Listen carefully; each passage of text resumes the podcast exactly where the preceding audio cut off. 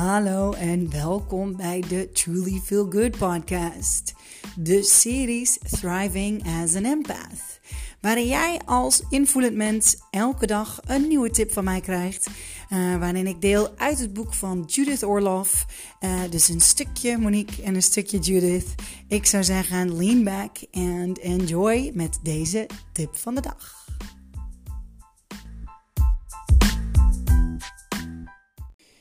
Is it hard to ask for help?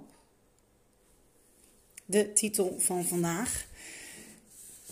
Ik, uh, ik ga hem lezen. Is het? Is it? Vind jij het moeilijk om, uh, om hulp te vragen? Ik, uh, ik heb dat heel erg moeilijk gevonden in ieder geval. Dus ik, ik ga eerst even lezen en dan geef ik mijn, mijn two cents en, en of eigen tips. Komt-ie. Are you afraid that you'll burden others if you ask for help? Sorry, maar ik moet meteen lachen, want dat is exact wat ik altijd voelde. Are you more comfortable with giving than receiving? Oh, yes. That's what I used to be like. It's a rewarding practice to balance these two abilities. Growing up, many of us felt unsafe when we requested assistance. Why?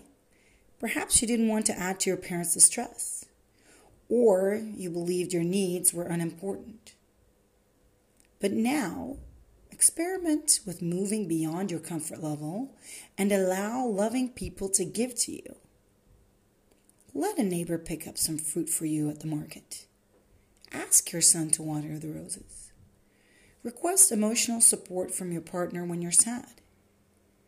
Receiving also means taking in the energy of nature and spirit. It will be a joy for you once you get used to it.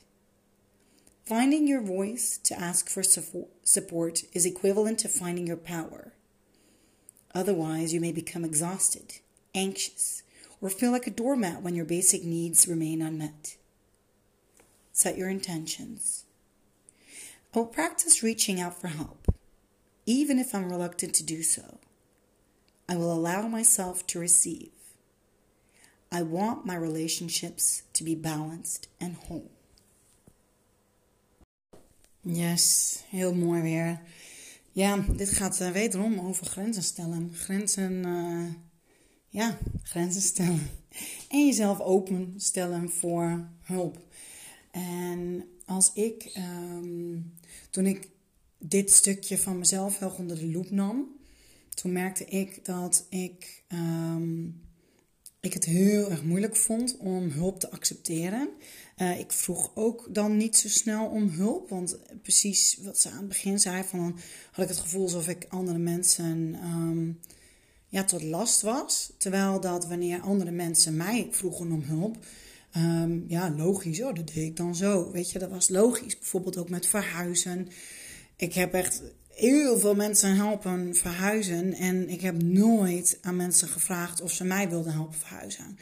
En er zijn dan altijd uh, typisch waren er bepaalde mensen die het zelf aanboden. En dan vond ik het helemaal geweldig. Maar dan was ik ook helemaal haast overrompeld dat ze mij zomaar uit zichzelf hielpen. Weet je. En ja, wauw. Zo cool. Zo cool.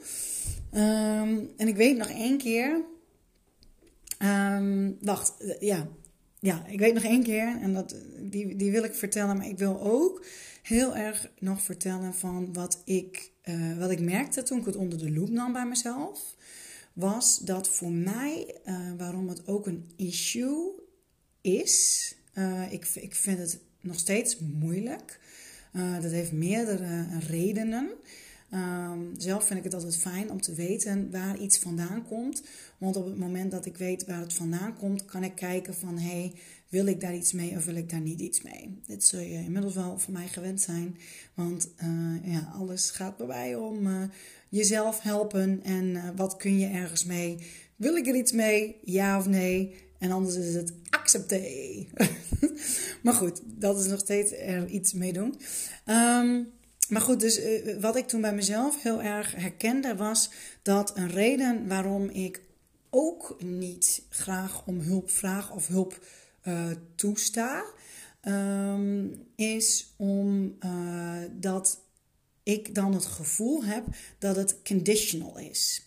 Ehm, en dat is soms omdat het vanuit andere mensen ook daadwerkelijk conditional is. Dus um, hoe zeg je dat in Nederland? Met voorwaarden. dus, want ik hou van onvoorwaardelijkheid. Uh, en uh, dingen doen voor een ander komen voor mij uit vanuit onvoorwaardelijke liefde en gewoon de motivatie vanuit iemand zelf. Daarom, dat, vind ik, dat vind ik schitterend en daar wil ik zoveel mogelijk mensen ook in stimuleren om juist daarom ook altijd te kijken, wat wil jij? Dat is zo belangrijk.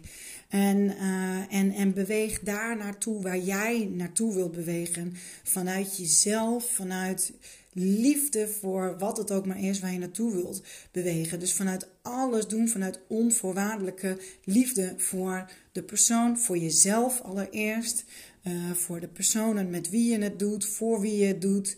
Um, en, en nooit vanuit voorwaardelijkheid. En, en dat is echt een beetje een, een, een angst van mij. Dat ik dan, uh, dat, dat koppel ik er meteen aan vast. Dat er dus iets tegenover moet staan. En ik wil, ik, ik vind het heel vervelend als ik iemand iets. Um, oh, hoe zeg je dat? Um, uh, als iemand nog iets van mij krijgt. Ik weet het woord even niet. Ik hoop dat je begrijpt wat ik bedoel. Dus wanneer iemand iets voor mij heeft gedaan en dat ik dan het gevoel heb van, oh, ik moet daar iets tegenover stellen. En uh, ik, ik onthoud dat ook altijd. Dus het, dat, dat, dat, uh, uh, dat maar ik schrijf het niet op bijvoorbeeld. Weet je, dat zijn niet van die dingen die ik noteer. Maar dat zijn dan wel van die dingen die blijven ergens hangen bij mij. En dat is, dat is een lading. En uh, dus dat is een bepaalde energetische lading die, die uh, het zwaarder maakt. En, daar heb ik helemaal geen zin in. Ik wil dat helemaal niet. Dus ik wil graag, ik wil dat het licht is en dat het, dat het, dat het leuk is. En, uh, en, en, en ik wil licht door het leven gaan. Dus elke lading die daar niet aan bijdraagt, um, wil ik altijd ook zo snel mogelijk uh, ja, weer omturnen. En, en, en dus iets daarom was het voor mij altijd heel erg lastig ook, omdat ik dat altijd voelde als een bepaalde lading. Van ik moet dan iets terug doen en, en, en wat dan en weet ik veel wat. En dus daarom vond ik het ook altijd veel fijner van joh, weet je, dat ik nog liever iemand aanneem voor iets. Of wat er bij mij vaak gebeurde, is ik doe het zelf wel. Dus ik ben echt een type die eigenlijk altijd bedenkt: oké, hoe kan ik dat zelf? Ik vind ook heel veel dingen leuk, moet ik zeggen. Ik vind het ook leuk om nieuwe dingen te leren. Dus ik volg eigenlijk altijd heel veel dingen zelf uit. Behalve, en dat vind ik ook heel fijn, wanneer het compleet uit mijn, buiten mijn interesse ligt. En dat vind ik ook heerlijk om dat te weten. Want dan heb ik echt zoiets van: ja, daar neem ik wel iemand voor aan. Uh, maar dan is het voor mij ook makkelijk, want dan kan ik diegene betalen en dan is het klaar. Daarmee heb ik voldaan aan mijn voorwaarden, weet je wel, aan de voorwaarden. Uh, en in uitwisseling daarvoor krijg ik dan dat zij fixen wat er ook maar te fixen valt. Dus die vind ik heel fijn. En, uh, en dat andere daarbuiten vond ik allemaal uh, niet fijn, omdat, dat, omdat er dus voorwaarden aan hingen bij mij alleen al. Hè? Ik zeg niet eens dat die ander dat doet. Dat is wat er bij mij intern gebeurde. En um, ja, dus vanaf het moment dat, dat, dat ik dat alleen al helder had, dat ik doorhad van, oh oké, um, ik vind dat dus vervelend omdat ik het gevoel heb dat er een voorwaarde aan hangt. En dat ik dat bijvoorbeeld ook heb besproken met bepaalde mensen, waarbij ik weet ook dat het heus kan. Zoals bijvoorbeeld met vriendinnen op vakantie. Uh, hè, dan praten we erover en dan kan voor mij die voorwaarde, wat, wat voor mij zo voelt, die kan dan wegsmelten. Waardoor het um, zoveel fijner is en waardoor ik daadwerkelijk ook hulp kan accepteren. En ik zelfs merk dat doordat ik het toelaat en ik het accepteer, het heel fijn is ook voor hun. Um, dus het is echt, ja, er is, er is een wereld voor mij opengegaan op het moment dat ik meer toeliet en meer hulp. Alleen al de hulp die geboden werd, om dat alleen al toe te staan. En uh, vervolgens komt daarna nog een stap van hulp vragen. En um, ja, ik denk dat heel veel inderdaad ook te maken heeft met verwachtingen managen. Uh, je grenzen aangeven. weet je, het heeft allemaal weer te maken met waar liggen je behoeften en communiceren. En uh, ja, dat, dat, is, dat is, vind ik heel erg lastig. Um, dus dat is iets waar ik heel veel in heb uh, mogen leren en nog steeds, nog steeds in leer. En um, ja, en wat ik dus zo leuk stukje vond, was, uh, was een, nou, echt behoorlijk wat jaren terug alweer. Maar ik zag echt compleet het tegenovergestelde van wat ik zou doen. En er was iemand die, uh, die had een verjaardagsfeestje. En die uh, voor haar familie. Ehm, dus haar familie die kwam die middag.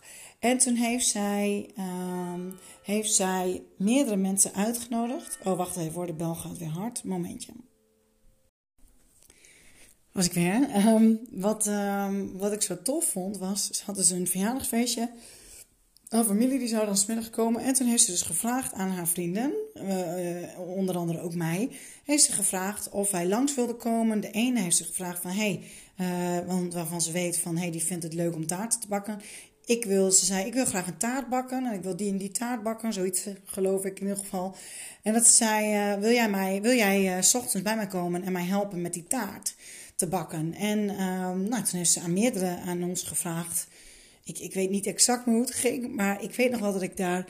Ik heb meteen ja gezegd en, uh, en, ik, en ik zat daar toen s ochtends en ik weet nog dat ik keek en ik zo moest lachen. Dat ik echt dacht van, bij mezelf van, wow, wat wij... We waren er allemaal, we waren haar aan het helpen met haar individuele feestje. En we zijn allemaal weggegaan. Want daarna kwam haar familie. Dus wij hebben haar compleet geholpen met, met het hele werk. En heel veel lol gehad. Het was hartstikke leuk. Super gezellig. Ik voelde me voldaan. Ik, ik, het, was, het was gewoon hartstikke leuk. Ik had 0,0 het gevoel van. Um, en ik zag ook die vriendin, weet je wel, die, die, die was helemaal blij dat ze lekker mee mocht helpen met de taart maken en dit en dat. Dus iedereen was blij. Zij was gigantisch geholpen en zat zelf niet in de stress, want ze moest al dat werk doen in haar eentje. Dat was veel te veel werk, veel te veel tijd kost dat, kostte dat. En daarom vroeg ze ons ook. En het was tof en wij gaan weg. En zij heeft haar, haar verjaardag met haar familie. En ik, nou, dat opende zo mijn ogen dat ik echt zoiets had van: wow, zoiets zou ik nooit doen. Zal ik daarvoor? Ik weet niet of ik het nu, maar dat, op die manier, dat is voor mij echt freaking next, next, next, next, next level hulp vragen. Ik vond het zo tof om te zien, of niet maar, en ik vond het juist zo gaaf om te zien van hoe Ehm, hoe iedereen blij was. Dus de mensen die hulp gaven waren blij. En, uh, en, en uh, het is niet zo dat zij het type is die altijd. Want zij vraagt met gemak om hulp. En zo ken ik er meerdere die ik zie. En dat ik hun ook zo bewonder van. Ja, die, hebben, die regelen altijd mensen. Um, en, en ik, in mijn hoofd gaat het heel gauw naar uh, spannen anderen voor hun karretje. Dat is heel eerlijk, dat is meteen waar mijn hoofd dan naartoe gaat. Zo van ja, die, die, die sparren andere mensen voor een karretje. Het is echter, het is niet zo dat die mensen er dan uh, nooit voor een ander zijn. Weet je, uh, die, die doen van alles met anderen. En daar vind ik wel, daar vind ik een heel groot verschil tussen zitten. Stel, stel dat het, want dat, dat heeft natuurlijk een hele andere kant weer. Als je um, uh, het gevoel krijgt van hé, hey, ik ben er altijd voor een ander en degene is er nooit voor mij. Maar ook daarin heb ik echt zoiets van, maar vraag jij ook om hulp? En durf je het ook toe te laten? Want is het wel waar dat diegene er niet voor jou is? Of vraag jij diegene nooit? Is het zo dat jij automatisch altijd je hulp al aanbiedt en verwacht jij dan automatisch dat andere mensen dat ook bij jou doen? Dat is weer een heel ander verhaal. Maar het heeft nog steeds met hetzelfde te maken. Dus het is zo interessant, vind ik zelf, om, om wederom te kijken naar je eigen uh, patronen en hoe jij omgaat dus met het vragen om hulp. En welke lading hangt daarbij? En waar komt die lading vandaan? Um, en, en is het dan dus ook waar bij iedereen, zoals waar ik het over had, over die voorwaardelijkheid? Klopt het dat ik het gevoel heb dat iedereen er iets voor terug wil hebben? En als dat zo is, ik, dat, dat voel ik bijvoorbeeld wel bij bepaalde mensen die willen. Um, dat merk ik, daar is het ook vandaan gekomen, dat er altijd een voorwaarde is voor uh, het helpen. Dan is het aan mij de keuze um, om A, diegene te vragen, al dan niet. En om die hulp dus toe te staan, al dan niet. En uh, zoals ik dus een hekel heb aan voorwaarden, um, zal ik niet iemand gaan vragen waarbij ik het gevoel heb dat er een voorwaarde aan vasthangt vanuit diegene. Tenzij ik kan voldoen aan die voorwaarden of wil voldoen aan die voorwaarden. Zoals bijvoorbeeld iemand uitnodigen een, loodgieter voor, uh, voor geld. dat vind ik een prima voorwaarde. Dus ja, um, ja ik, uh, ik uh, zou zeggen, bekijk, bekijk eens hoe jij hier naar kijkt en, en, en wat, wat eigenlijk welke invloeden er allemaal gepaard zijn met het al dan niet toelaten van hulp. En dan de volgende stap, het vragen om hulp. Um, want ja, ik merk wel dat, hoewel ik het dus nog steeds, het is niet, komt mij niet natuurlijk. Uh, dus ik zou dat ook echt niet zo snel zoals die ene vriendin dat toen deed. I love it, love it, love it. Ik, dat, dat zal niet zo snel bij mij gebeuren. Um, maar ik probeer daar wel manieren in te vinden, zodat ik het niet altijd alleen hoef te doen. Want dat is echt iets wat ik gewend ben. Ik doe altijd alles alleen. En, um, um, en ja, ik, ik, ik, ik, ik ben pas afgelopen jaren bezig met het echt toelaten van andere mensen en uh, liefdevolle mensen dat ik het niet allemaal alleen hoef te doen. En uh, um, ja, samen is het echt uh, vaak makkelijker en, en leuker. en het is aan mij om, om dat toe te staan, al dan niet. Goed, let me know. Hoe ga jij om met, met vragen om hulp en toelaten van hulp? Ben ik heel benieuwd naar. Herken jij wat, ja, wat van de van de pet peeves die ik heb? Of, of kijk je er heel anders naar en ben jij zoals die ene vriendin die super makkelijk en iedereen bij elkaar brengt en, en ja, waardoor iedereen het naar zijn zin heeft en, en zij alle hulp krijgt die ze nodig heeft? Ik ben heel benieuwd. Of misschien iets heel anders. Er zijn natuurlijk zoveel gradaties. Let me know in the comments below. En een hele, hele dikke kus. Dankjewel voor het luisteren. Tot morgen. Doei doei.